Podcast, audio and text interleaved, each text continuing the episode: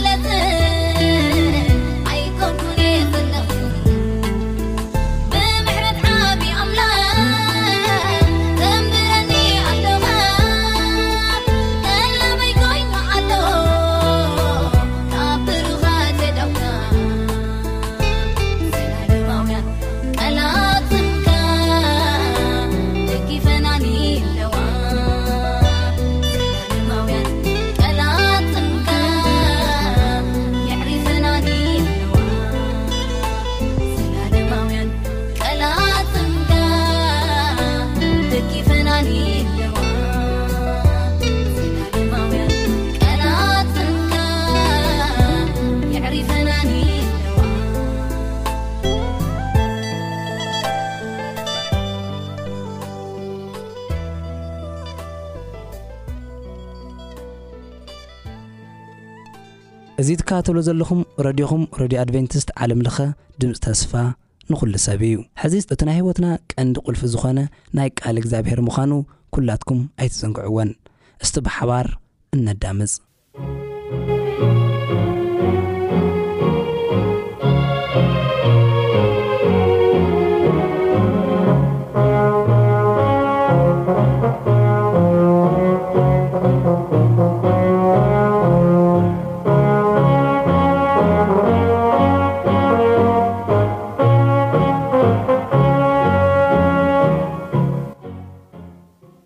ሰላም ከመይ ዝጸንሑ ክቡራት ተኻታተልቲ መደብና ኣብ ናይ ሎሚ ድማ በቲ ሒዝናዮ ዘለና ኣብ ሉቃስ ምዕራፍ ሓደ እናረኣናዮ ዘለና ሓሳብ መቐጸልቱ ኢና ሒዝናልኩም ክንቀርብ ኢንፋክት ናይ መወዳእታ ክፋል ማለት እዩ ውልደት የሱስ ክርስቶስ ከመይ ነበረ ካብኡ እንመሃሮ ነጥብታት ከ እንታይ እዩ እምበር ኣብ ዝሓለፈ ናይ ዘካርያስን ናይ ኤልሳቤጥን ህይወት ከመይ ከም ዝነበረ ኣብ ዝሓለፈ ናይ ቃል ግዜና ርኢናዮ ኢና ሎሚ ናይ ማርያምን ናይ ዮሴፍን ህይወት ከመይ ከም ዝነበረን ከምኡውን ካብኡ ንመሃሮ ካብቲ ጥቕስታት ኣብኡ ዘሎ ንመሃሮ ትምህርቲ ኢና ክንርኢ ማለት እዩ ቅድሚ ምጅማርና ሕጽር ዝበለ ጸሎት ክንጽሊ ኢና ንጸሊ።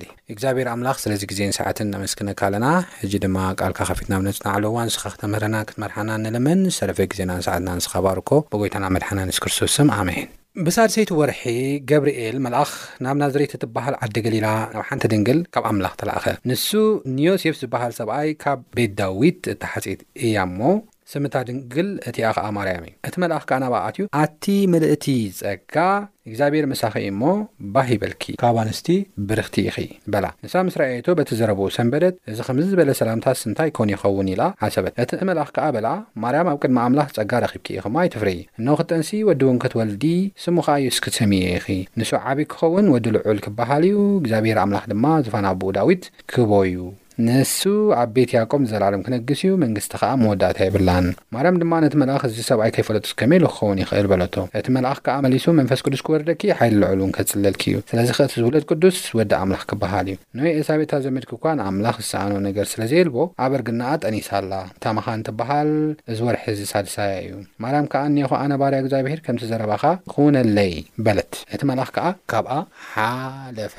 ድሕሪ ኤልሳቤጥ ጥንሲ ድሕሪ ሽዱሽተ ወርሒ ገብርኤል ናብ ማርያም ከም ዝመጸ ኢና ንርኢ። ኣብዚ ናይ ገብርኤል ስራሕ ከም ልኡኽ ከም መልኣኽ ተልእኾኡ ክፍጽም ከሎ ኢና ንርኢ። መጽሓፍ ቅዱስ ስለ መላእኽቲ ክዛረብ ከሎ ምናልባት ኣምላኽ ተፈቒዱ ካልእ መዓልቲ ክንርእዮ ኢና ብሰፊሑ ማለት እዩ ግን ስለ መላእኽቲ ክዛረብ ከሎ መጽሓፍ ቅዱስ ኣብ ዕብራውያን ምዕራፍ ሓደ በዓል ተኺልና ንርእየሉ እዋን ብዛዕባ መልኣኽቱ ከኣ መልኣኽቱ ንፋሳት ኣገልገልቱ ሃልሃልታ ሓዊ ዝገብር እንድያም ካብ ቁጽሪ ኣርባዕተ ትሒዘ ከንብብ ካብቶም መልኣኽቲ ብዙሕ ዝበልጽ ስም ብዝወረሶ መጠን ከኣ ክሳዕ ክንድዚ ካባታቶም በለጸ መን ኢየሱስ ክርስቶስ ካባታቶም ኣዝዩ በለጸ ሎሚ ብፍላጥ ኮነ ብዘይ ፍላጥ ሰባት ንኢየሱስ ክርስቶስ ማዕረ መልኣኽቲ ክሰርዕዎ ከሎ ኢና ንርኢ ብብዙሕ መንገዳታቱ ንመላእኽቲ ቤተክርስትያን ይሰርሑሎም ንኢየሱስ ክርስቶስ ውን ቤተክርስትያን መድኃኔ ዓለም ተባሂሉ ይስራሕ። ንመላእኽቲ ይስገደሎም ምጽዋት ይወሃቦም ንየሱስ ክርስቶስ ውን ብማዕረ ከምኡ ይግበረሉ ስለዚ ብፍላጥ ኮነ ብዘይ ፍላጥ ማዕረ ጌሮም ክርእይዎም እንከሎ ኢና ንርኢ ነገር ግን ይቕጽል ቁጽሪ ሓሙሽተ እስኪ ካብ መላእኽቲ ንመኖም እዩ ንስኻ ወደይ እኻ ኣነ ሎሚ ወለድኩኻ ከም ብሓድሽ ድማ ኣነ ኣቦ ክኾኖ ንሱ ውን ውሉድ ክኾነኒ እዩ ዝበሎ መን ኣቦ ካብ መላእኽትስ ንመን ኢኹም ንስኻ ወደይ እኻ ዝበሎስ ንመን እዩ ንማንም የለን ከም ብሓድሽ ድማ ነቲ በኹሪ ናብ ዓለም ክእትዎ ከሎ መን ኣቦ ማለት እዩ እግዚኣብሔር ኣቦ ናብ ዓለም ክእትዎ ከሎ ኩላቶም መላእኽቲ ኣምላኽ ይስገድሉ ኩላቶም መላእኽቲ ኣምላኽ ይስገዱሉ እዩ። ኩላቶም መላእኽቲ ኣምላኽ ከኣ እንታይ ገይሮምሉ እዮም? ሰጊዶምሉ እዮም። እዚ ናብዚ ክምለስ እየ፣ ኣብ ራእይ ምዕራፍ ኣርባዕተ ከይድና ኣብ ንርእየሉ እዋን፣ እግዚኣብሄር ኣቦ ክስገደሉ ከሎ ብፍላይ ሙሉእ እቲ ጥቕሲ ኣንብብዎ፣ ኣነ ግን ኣብ ቁጽሪ ዓሰርተን ዓሰርተ ሓደን ከይድኩም ከተንብቡ ከለኹም ግን ከምዚ ይብል፣ እቶም ዕስራን ኣርባዕተን ሽማግሌታት ኣብ ቅድሚ እቲ ዙፋን ተቐሚጡ ዘሎ ፍግ። ግም ኢሎም ዎጎይታናን ኣምላኽናን ንብዘሎ ንስኻ ፈጢርካዮ ስለ ፍቓድካውን ኮይኑን ተፈጢሩን እዩሞ ንስኻ ኸብርን ስብሓትን ስልጣንን ንምውሳድ ብቑዕ ኢኻ እናበሉ ነቲ ንዘልኣለም ኣለም ህያው ኮይኑ ዝነብር እናሰገዱ ኣኽልላቶም ኣብ ቅድሚ እቲ ዙፋን ይድርብዩ ኣለዉ ኢሉ ኣብ ራኢ ምዕራፍ ኣርባዕተ ንእግዚኣብሔር ኣቦን ንመንፈስ ቅዱስን ክሰግድሉ ከለዉ ይርኢ እሞ ኣብ ራኢ ምዕራፍ ሓሙሽተ ኸኣ ከምቲ ኣብ እብራውያን ምዕራፍ ሓደ ፍቕዲ ሓሙሽተ ዘንበብናዮ ነቲ ገንሸል ወይ ድማ ንየሱስ ክርስቶስ ክሰግድሉ ከሎ ኢና ንርኢ። ንረ ካብ ቁጽሪ ትሽዓተ ኣትሒዘ ከንብቦ ይደሊ። ነቲ ገንሸል ክሰግድሉ ከለዉ ንየሱስ ክርስቶስ መን እዩ እቲ ገንሸል? ኣብ ዮሃንስ ወንጌል ምዕራፍ ሓደ ፍቕዲ ዕስራን ትሽዓተን ከይድና ኣብ ንርእየሉ እዋን እንሆ ሓጢኣት ዓለም ዘርሐ ገንሸል ኣምላኽ ኢሉ ዘማላኽቶ ዮሃንስ መጥምቕ ንየሱስ ክርስቶስ እዩ። ኦኬ ስለዚ ካብ ቁጽሪ ትሽዓተ እንታይ ይብል? ነቲ ማሕተም ክትፈትሕ ብቑዕ ኢኻ እሞ። ኢሉ እዩ ዝጅምር። ንሳቶም ከኣ ተሓሪድካስ ብደምካ ካብ ዘሎ ዓሌታትን ቋንቋታትን ህዝብን ኣህዛብን ንኣምላኽ ክኾኑ ሰባት ዓዲግካሉ ኢኻ፣ ንኣምላኽ ዝኾኑ መንግስትን ካህናትን ገቢርካዮም ኢኻ፣ ኣብ ምድሪ ድማ ክነግሱ እዮም እሞ ንስኻ ነቲ መጽሓፍ ክትወስዶ ነቲ ማሕተም ክትፈትሖ ብቑዕ ኢኻ እናበሉ ሓድሽ መዝሙር ዘመሩ። ርኤኹ ድማ ኣብ ዙርያ እቲ ዝፋን እቶም ኣርባዕተ እንስሳን እቶም ሽማግሌታትን ድምጺ ብዙሓት መላእኽቲ ሰማዕኩ፣ ቍጽሮም ድማ ኣልፍ ኣእላፋት፣ ዓው ብዝበለ ድምጺ ድኸኣ እቲ እተሓርደ ገንሸል ንሱ ስልጣንን ሃብትን ጥበብን ሓይልን ክብርን ግርማን ውዳሴን ክወስድ፣ ብቑዕ'ዩ ይብል'ሞ ቁጽሪ ዓሰርተ ሰለስተ ኣብ ሰማይን ኣብ ምድሪን ኣብ ትሕቲ ምድሪን ኣብ ባሕሪ ዘሎ ፍጡር ኣባታቶም ዘሎ ዘበለ ኩሉ በረኸትን ግርማን ስልጣንን ንዘልኣለም ኣለም ነቲ ኣብ ዝፋን ተቐሚጡ ዘሎን ነቲ ገንሸልን ይኹን ክብል ከሎ ሰማዕኹ እቶም ኣርባዕተ እንስሳ ከኣ ኣሜን በሉ እቶም ሽማግሌታት ድማ ፍግም ኢሎም ሰገዱ ስለዚ ንኣቦ ከም ተሰግደሉ ንወዱ'ውን ክስገድሉ ከም ዝግብኦን ከም ዝተገድሉን'ውን መጽሓፍ ቅዱስ ይዛረበና። ስለዚ የሱስ ክርስቶስ ኣምላኽ እዩ፣ ማዕረ መላእኽቲ ክረኣየሉ የብሉን። ናብ ዕብራውያን ምዕራፍ ሓደ ንመለስ። ስለዚ እንታይ እዩ ዝብል እግዚኣብሄር ኣቦ? እስኪ መላእኽትኸ ንመኖም እዩ ንስኻ ወደይ ኢኻ፣ ኣነ ሎሚ ወልድኩኻ ከም ብሓድሽ ድማ ኣነ ኣቦ ክኾኖ ንሱ'ውን ውሉድ ክኾነኒ እዩ ዝበሎ? ከም ብሓድሽ ድማ ነቲ በዅሪ ናብ ዓለም ክእትዎ ከሎ፣ ነቲ በዅሪ ማለት ንየሱስ ክርስቶስ ናብ ዓለም ክእትዎ ከሎ፣ ኩላቶም መላእኽቲ ኣምላኽ እንታይ ይግበሩ? ይስገድሉ ይብል። ሰጊዶምሉ'ውን እዮም። ኣብ ራእይ ምዕራፍ ሓሙሽተ ከይድና ኣብ ንርእየሉ እዋን ብዛዕባ መላእኽቲ ክዛረብ ከሎ። ብዛዕባ ገብርኤል ብዛዕባ ዝተፈላለዩ መልኣኽቲ ክዛረብ ከሎ መላእኽቱ ንፋሳት ኣገልገልቲ ሃልሃልታ ሓዊ ዝገብር ይብል ብዛዕባ ወዱ ግና ኣታ ኣምላኽ ይብል ኣምላኽ ኢኻ ክብሎ ከሎ ኢና ንርኢ ቀጺሉ ክዛረብ ከሎ ብዛዕባ መላእኽቲ እስኪ ካብ መላእኽትኸ ንመን'ዩ ንጸላእትኻ መርገጺ እግርኻ ክሳዕ ዝገብሮምሲ ኣብ የማነይ ተቐመጥ ዝበሎ ንማንም የለን ኩላቶም ደኣ ንኣገልገልቲ ንምድሓን ክወርሱ ዘለዎም ዝለኣኹ መናፍስቲ ዶ ኣይኮኑን ዝለኣኹ መናፍስቲ'ዮም መልኣኽቲ ገብርኤል ዝለኣኽ መናፍስቲ እዩ ተላኢኹ ዘበሰረ መልኣኽ እዩ ልኡኽ እዩ ንጎይታናን መድሓኒናን የሱስ ክርስቶስ ዝሰግድ እዩ ስለዚ ኣብዚ ሓሳብ እዚ እንታይ ኢና ንርኢ ዝብል ሓሳብ ኬድና ክንርኢ ከለና መጺኡ ከበስር ከሎ ከምቲ ቅድም ኢለ ዘንበብክዎ ኣብ መእት ከምዘንበብክዎ ከበስር ከሎ ኢና እንርኢ ናብታ ተሓጽየት ድንግል ከምተላእኸ ንሳ ንዮሴፍ ዝበሃል ሰብኣይ ኣብ ቤት ዳዊት ተሓጽያ ከምዝነበረት እቲ መልኣኽ ድማ ናባኡ ኣትዩ ኣቲ ምልእቲ ጸጋ እግዚኣብሄር ምሳኺ እዩ እሞ ባህ ይበልኪ ካብ ኣንስቲ ብርኽቲ ኢኺ በላ እንታይ ኢልዋ ገብርኤል ኣብ ማርያም ሲምፕሊ ኣብ ዝተባህለቶ ነገር ክልተ ግዜ ተጠቒሱ ኣሎ ኢንፋክት ሳልሳይ ውን ባዕላ ትብሎ ድሓር ከነንብቦ ኢና ብዛዕባ ማርያም ዝተባህለ ነገር ክንርኢ ከለና ኣቲ ምልእቲ ጸጋ ኢልዋን ኣብታ ናይ መጀመርያ ሓሳብ ከድና ንርኢ ኢልዋ እግዚኣብሄር ምሳኺ እዩ እሞ ባህ ይበልኪ ኣቲ ምልእቲ ጸጋ ኦኬ እንደገና ኣብ ቁጽሪ ሰላሳ ድማ ከድና ንርኢ ኢልዋን እቲ መልኣኽ በላ ማርያም ከኣ ኣብ ቅድሚ ኣምላኽ ጸጋ ረኺብኪ ኢኺ ጸጋ ሲ ረኺብኪ ኢኺ ጸጋ ዝመልኣኪ ማርያም ጸጋ ረኺብኪ ኢኺ ኢሉ እንደገና ከም እተዛረባ ኢና ንርኢ። ማርያም እውን ዝበለቶ ነገር ኬድና ኣብ ንርእየሉ እዋን ኣብኡ ኣብ ሉቃስ ምዕራፍ ሓደ ፍቕዲ ኣርባዓን ሽዱሽተን ኬድና ክንርኣ ማርያም ድማ በለት ነፍሰይ እግዚኣብሄር ትዕብዮ መንፈሰይ ብኣምላኽ በቲ መድሓንየይ ባህ ይብሎ ውርደት ብኣርኡ ስለ ዝረኣየ ነቲ ሓያል ዓቢ ነገር ገይርለይ እሞ ስሙ ቅዱስ እዩ እነሆ ካብ ሕጂ ኩሎም ወለዶ ብጽእቲ ክብሉኒ እዮም ምሕረቱ ነቶም ዝፈርህዎ ንውሉድ ወለዶ ይነብር ሓይሊ ብቕልጽሙ ገበረ ንኹርዓት ብሓሳብ ልቦም ዘረዎም ንሓያላት ካብ ዝፋንቶም ኣውረዶም ንእተዋረዱ ኸኣ ልዕል ኣበሎም ንጥሙያት ብጽቡቕ ነገር ኣጽገቦም ንሃብታማት ጥራይ ኢዶም ሰደዶም ከምቲ ነቦታትና ንኣብርሃም ዘሩ ንነገሮም ክሳዕ ዘልኣለም ምሕረት እናዘከረ ንእስራኤል ባርዩ ተቐበሎ። ማርያም ኣስታት ሰለስተ ወርሒ ዝኣክል ወረሐ ድሓር ናብ ቤታ ተመልሰት። ስለዚ ኣብዚ ማርያም ውን ትሳልሳይ ግዜ ትዛረቦ ዘላ ነገር ተሃለወ እንታይ እዩ እቲ ሓያል ዓቢ ነገር ገሩለይ እዩ እሞ ስሙ ቅዱስ እዩ ክትብል ከላ ኢና። እቲ ሓያል ዓቢ ነገር ገይሩለይ'ሞ ስሙ ቅዱስ እዩ ክትብል ከላ ኢና ስለዚ ኣብዘን ሰለስተ ሓሳባት ኬድና ንርኢ ኣሎና ምልእቲ ጸጋ፣ ጸጋ ረኺብኪ ኢኺ፣ እንደገና ማርያም ከኣ እቲ ሓያል ዓቢ ነገር ገይሩለይ ክትብል ከላ፣ ካብ ካልእ ሰብ ብዝተፈልየ ጻድቅ፣ ካብ ካልእ ሰብ ብዝተፈልየ ተፈጥሮ ስለ ዘለዋ ኣይኮነን ሰብ እያ፣ ክጅምር ከሎ ሰብ እያ ቦና ደን ዘለዋ እያ ኣይሁዳዊት እያ፣ ካልኣይ ከኣ መጽሓፍ ቅዱስ እንክዛረበና ከሎ ጸጋ ካብ ኣምላኽ ዝተዋህባ ሰብ እያ ኢንፋክት ጸጋ ንኹሉ ታዋሂቡ እዩ ጸጋ ዝረኸበት እያ ናይ ምንታይ ጸጋ ዝረኸበት እያ ጸጋ ማለት ንዘይግባኦ ዝወሃብ ውህበት ማለት እዩ ሰባት ኩላትና ናይ እግዛብሄር ጸጋ ዝግባኣና ሰባት ኣይኮናን ኔርና ናይ እግዛብሄር ውህበት ዝግባኣና ኣይኮናን ኔርና ምኽንያቱ ኩሎም ሓጢኦም ክብሪ ኣምላኽ ውን ሲኢኖም እዩ ዝዛረበና ከሎ ኩሎም ሓጢኦም ክብሪ ኣምላኽ ውን ሲኢኖም ሮሜ ምዕራፍ ሰለስተ ፍቅዲ ዕስራን ሰለስተን ኬድና ክንሪኦ ኣለዋ። ስለዚ ጸጋ ዝብል ቃል ኣብ ከይድና ኣብ ንግንዘበሉ እዋን፣ ንዘይግበኦ ብምሕረት ኣምላኽ ዝወሃብ ውህብቶ ማለት ዓቢ ነገር ከም ተገብረላ ኢና ንርኢ። እንታይ እቲ ዓቢ ነገር ተገብረላ ክንብል ከለና እቲ ናይ ዘመናት ተስፋ ናይዛ ምድሪ፣ እቲ ናይ ዘመናት መድሓኒ ክውለድ እዩ ዝተባህለ፣ እቲ ዘናግፍ እቲ ሰማይን ምድርን ዝፈጠረ ጎይታ ክውለድ እዩ። እዚ ዓቢ ጸጋ እዩ። ናይ ዘመናት ጎይታ፣ ሰማይን ምድርን ዝፈጠረ ጎይታ፣ እቲ ናይዛ ዓለም ብሕታዊ ተስፋ፣ ብኣኻ ክውለድ እዩ ከም ተባህለት ኢና። እዚ ጸጋ እዩ። ብገዛእ ርእሳ፣ ብገዛእ ጥበባ፣ ብገዛእ ሓይላ ዝረኸበቶ ነገር ኣይኮነን፣ ወይ ድማ ካብ ሰብ ፍልይቲ ስለ ዝኾነት። ኣምላኽ ንኹሉ እዩ ዘፍቅር። ስለ ዘፍቀረና እውን እዩ ሓደ ወዱ ሂብና። ኢንፋክት ኢየሱስ ክርስቶስ። መድሓኒኣ እዩ ብየሱስ ክርስቶስ እያ እዚ ዓይነት ጸጋ ውን ክትረኽቦ ዝኸኣለት እቲ ጸጋ ክትረኽቦ ዝኸኣለት በቲ ትወልዶ ህጻን እያ ረኺባ ምድሓን ምክንያቱ እዚ ብኣኣ ግዚኡ በጺሑ ዝውለድ ዘሎ ጎይታ የሱስ ክርስቶስ ዝተሓርደ ገና ዓለም ቅድሚ ምምስራቱ እዩ ይብለና ኣብ ኤፌሶን ኬድና ከነንብብ ከለና ኣብ ራእይ ምዕራፍ ዓሰርተ ሰለስተ ፍቅዲ ሸሞንተ ኬድና ንርኢ ንዋን ካብ ምስራት ዓለም ውን ይብለና ካብ ምስራት ዓለም ኣትሒዙ ዝተሓርደ ገንሸሉ ሕጂ ግዚኡ ምስ በጽሐ ድሕሪ ኣርባዕተ ሽሕ ዓመታት ናይ ብሉይ ኪዳን ምስ ሓለፈ ዝተወልደ ሽዑ ዝተኣቀደ ኣይኮነን ቀደም ዝተሓርደ እዩ ንእስራኤላውያን ውን ንኣርባዕተ ሽሕ ዓመታት ሙሉእ ኢየሱስ ክርስቶስ ዝተሓርደ ገንሸል ከምዚ ጌሩ እዩ ዝሕረደና ኢሎም ፕራክቲስ ዝገበርዎ ድሓር ግዚኡ ምዱብ ግዚኡ ምስ በጽሐ ስለዚ ማርያም ውን ምድሓን ዝረኸበት ማርያም ውን ጸጋ ዝረኸበት በቲ ዝወለደቶ ህጻን እዩ። ጸጋ ረኺብኪ ክበሃል ከሎ ዓቢ ነገር እውን ገይርለይ ዝበለት በቲ ኢየሱስ ክርስቶስ እዩ። እቲ መንገዲ በረኸት፣ እቲ መንገዲ ጸጋ፣ እቲ ውህበት ኣምላኽ ኢየሱስ ክርስቶስ ጥራሕ እዩ። ጸጋ ከም ዝረኸበት፣ ጸጋ ከም ዝመልኣ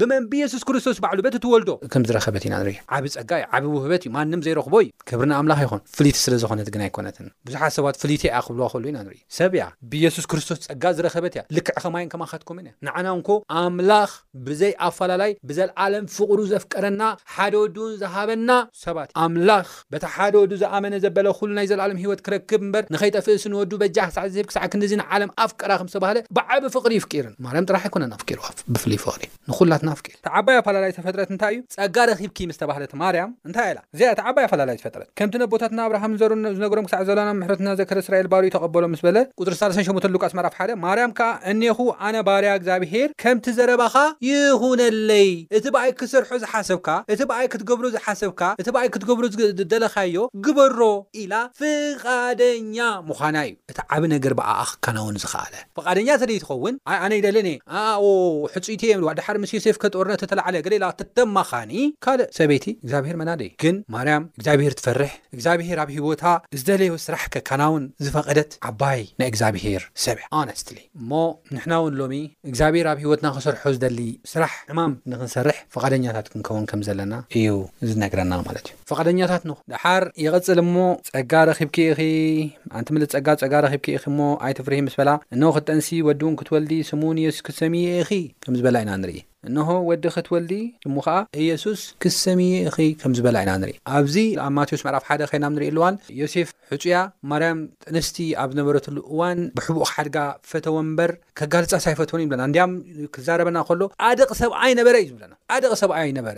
ሕጽይቱ ጥንስቲ ኮይና ክርኢ ከሎ ኣብቲ ግዜ እቲ በቲ ዝነበረ ባህሊ ከቢድ ዝኾነ ቅጽዓት እዩ ክበጽሕ ነይርዎ ካብ ሕጹያ ካልእ ጠኒሳ ዝተባህለ። ነገር ግን ንሱ ጻድቕ ሰብኣይ ነበረ እሞ እንታይ ገበር ብሕቡእ ክሓድጋ ፈተወ እምበር ከጋልጻስ ኣይፈተወን ይብለና። ክትጉዳእ ኣይደለየን። ግልጽነቱ ርህራሄነቱ ርእዩ ከኣ እግዚኣብሄር ኣምላኽ ንዮሴፍ ብሕልሚ ከም ዘርኣየና ን እቲ ማርያም ጠኒሳቶ ዘላ ካብ መንፈስ ኢሞ ንምውሳዳ ኣይትፍራህ ንምውሳዳ ኣይትፍራህ ከም ተባህለ ወዲ ክትወልድ እያ ስሙ ከኣ እየሱስ ክትሰምይዎ ኢኩም ከም ተባህለ ኢና ንርኢ እቲ ህጻን ተወሊዱ ከኣ እየሱስ ከም ተባህለ ኢና ንርኢ እየሱስ ማለት መድሓኒ ማለት ዘድሕን ካብ ሓጢኣት ኩሉ ዘድሕን ካብ መከራ ኩሉ ዘድሕን ካብ ጥፍኣት ካብ ዘልኣለም ሞት ዘድሕን ጎይታ ማለት እዩ እቲ መድሓኒ ድማ ከም ዝተወልደ ኢና ንርኢ ማለት እዩ ንሱ ዓቢ ክከውን ወዲ ልዑል ክበሃል እዩ፣ እግዚኣብሄር ኣምላኽ ድማ ዝፋኑ ኣቢኡ ዳዊት ክህቦ እዩ፣ ንመንግስቱ ድማ መወዳእታ የብላን ከም ተዛረበቲ ገብርኤል ኢና ንርእዮ ማለት እዩ። ድሓር የሱስ ክርስቶስ ተወሊዱ እቲ ዝነበሮ ዕማም እቲ ዝነበሮ ተግባር ከም ዘከናውኖ ኢና ንርኢ። ኣብዚ ክሪኦ ወይ ድማ ተኣሽሙ ክገብሮ ዝደሊ ክልተ ሓሳባት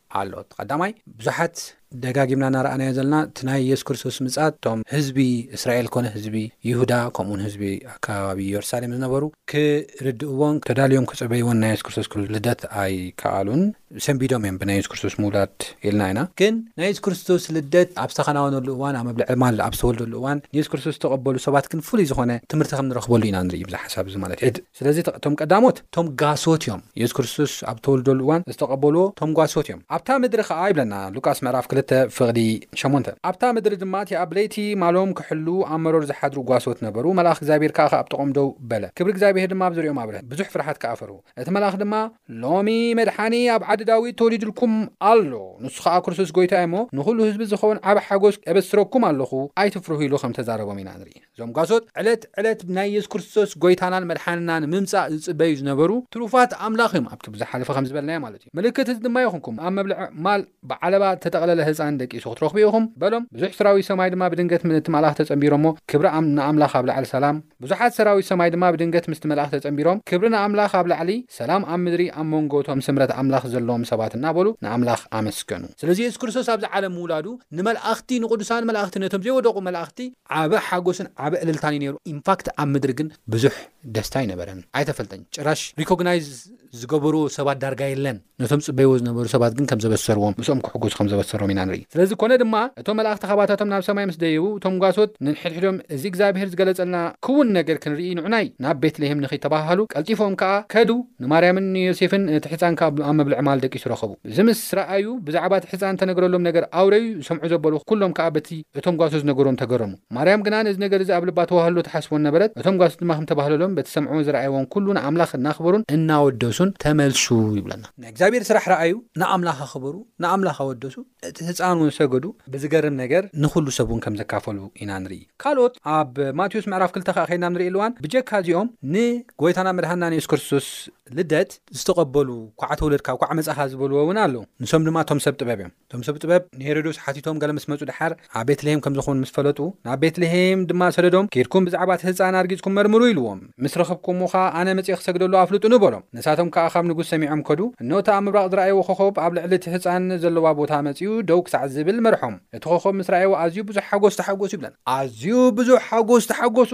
ናብ ቤት ኣትዮም ከኣ ነቲ ህጻን ምስ ማርያም ኣዲኡ ረኣይዎ። ፍግ! ፍግም ኢሎም ውን ፍግም ኢሎም ድማ ሰገድሉ። ንመን? ንኢየሱስ ክርስቶስ። ንኢየሱስ ክርስቶስ ፍግም ኢሎም ሰገድሉ። ዮሴፍ ውን ነይሮም እኮ እዩ፣ ማርያም እኮ ነይራ እያ፣ ግን ፍግም ኢሎም ነቲ ህጻን ሰገድሉ ይብለና። ሳጹኖም ከፊቶም ድማ ወርቅን ዕጣን ከርበን ገጸ በረኸት ሃብዎ። ንመን? ንኢየሱስ ክርስቶስ። ወርቅን ዕጣንን ከርበን ንኢየሱስ ክርስቶስ ሃብዎ ይብለና መጽሓፍ ቅዱስ ክዛረበና ከሎ። ወርቂ! ናይ ምታይ ምልክት እዩ ክንብል ከለና ወርቂ ንስኻ ንጉስና ኢኻ እናበሉ ከም ዝነበሩ ኢና ንርኢ። ዕጣን ኴንና ኣብ ንርእየሉ እዋን ንስኻ ካህንና ኢኻ፣ ኣብ ቅድሚ እግዚኣብሄር ስለና እትረኣየልና ካህን ኢኻ ኢሎም ከም ዝኾኑ ከም ዝሃቡ ኢና ንርኢ። ከርበ ኸኣ ንስኻ ስለ ሓጢኣትና እትመውት ብሞትካውን ህይወት እንረክብ ሰባት ኢና ኢሎም እቲ ከርበውን ከም ዝሃብዎ ኢና ንርኢ። ስለዚ ምስ ትርጉሙ ወርቂ፣ ዕጣን፣ ከርበ ከም ዝሃብዎ። ግም ኢሎም እውን ንየሱስ ክርስቶስ ከም ዝሰገድሉ ኢና ንርኢ ማለት እዩ። ስለዚ እዚ ዓቢ ትርጉም ዘለዎ ተግባር ገይሮም ድማ ከም ዝኸዱ ኢና ንርኢ ማለት እዩ። ስለዚ ናይ የሱስ ክርስቶስ ልደት ብዙሕ ሓጎስ ነቶም ጓሶት ኮነ ነቶም ሰብ ጥበብ ከም ዝሃቦም፣ በዚ መልክዕ እዚ ድማ እግዚኣብሄር ንሳቶም ከምዚ ኢሎም ነቲ ህጻን ብምርኣዮም ብምሕጓሶም ንእግዚኣብሄር እውን ከም ዘኽበሩ እዩ መጽሓፍ ቅዱስ ዝዛረበና። እሞ ክቡራት ሰማዕትና ናይ መጀመርያ ውልደት ናይ የሱስ ክርስቶስ እዚ ይመስል። ካልኣይ የሱስ ክርስቶስ ክምለስ እዩ። ተዳሊና ንጽበዮ ከም ፍቃዱ ንመላለስ። ብኽብሪ ክመጽእ እዩ ነቶም ዝተጸበይዎ ህይወት ክህቦም ክባርኾም ካብ ሞት ካብ ጥፍኣት ከድሕኖም ክመጽእ እዩሞ ንሕና ካብቶም ዝድሕኑ ምእንቲ ክንከውን ናብኡ ክንቀርብ ተቃልኦ ክንሰምዕን ክንእዘዝን እግዚኣብሄር ጸግኡ የብዝሓልና ኣብ ዝቅጽል ብካልእ ክሳብ ንራኸብ ሰላም ኩኑ ጎይታ ይባርኽኩም።